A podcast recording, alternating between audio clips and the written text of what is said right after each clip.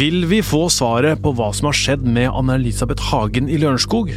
Kommer Viggo Kristiansen til å få saken sin gjenopptatt? Hvem drepte Birgitte Tengs? Og hvilke kriminalsaker kommer vi opp i i 2021? Disse spørsmåla kommer vi til å ta tak i i den nye sesongen av Krimpodden. Jeg heter Tor Erling Tømt Ruud. Og jeg heter Øystein Milli.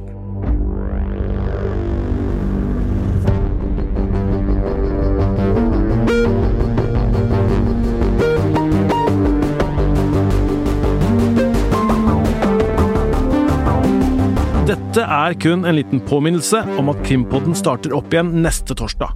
Og hva forventer vi av krimåret 2021, Øystein?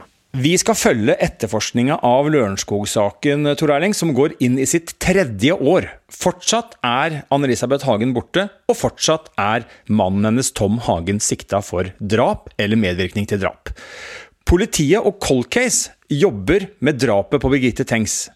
Hun ble drept i 1995, og vi skal se om det kommer en løsning nå, etter 26 år. Og hvis dommen mot Viggo Kristiansen blir satt til side, og det blir en ny runde i retten i Baneheia-saken, står vi foran en sak som vil skake hele Norge.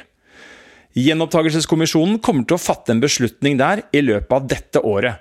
Og det, det blir veldig spennende. Og vet du hva, Tor Erling? Nei. Kanskje får vi også vite noe nytt i Orderud-saken. For også den får vi vite om blir gjenopptatt i 2021.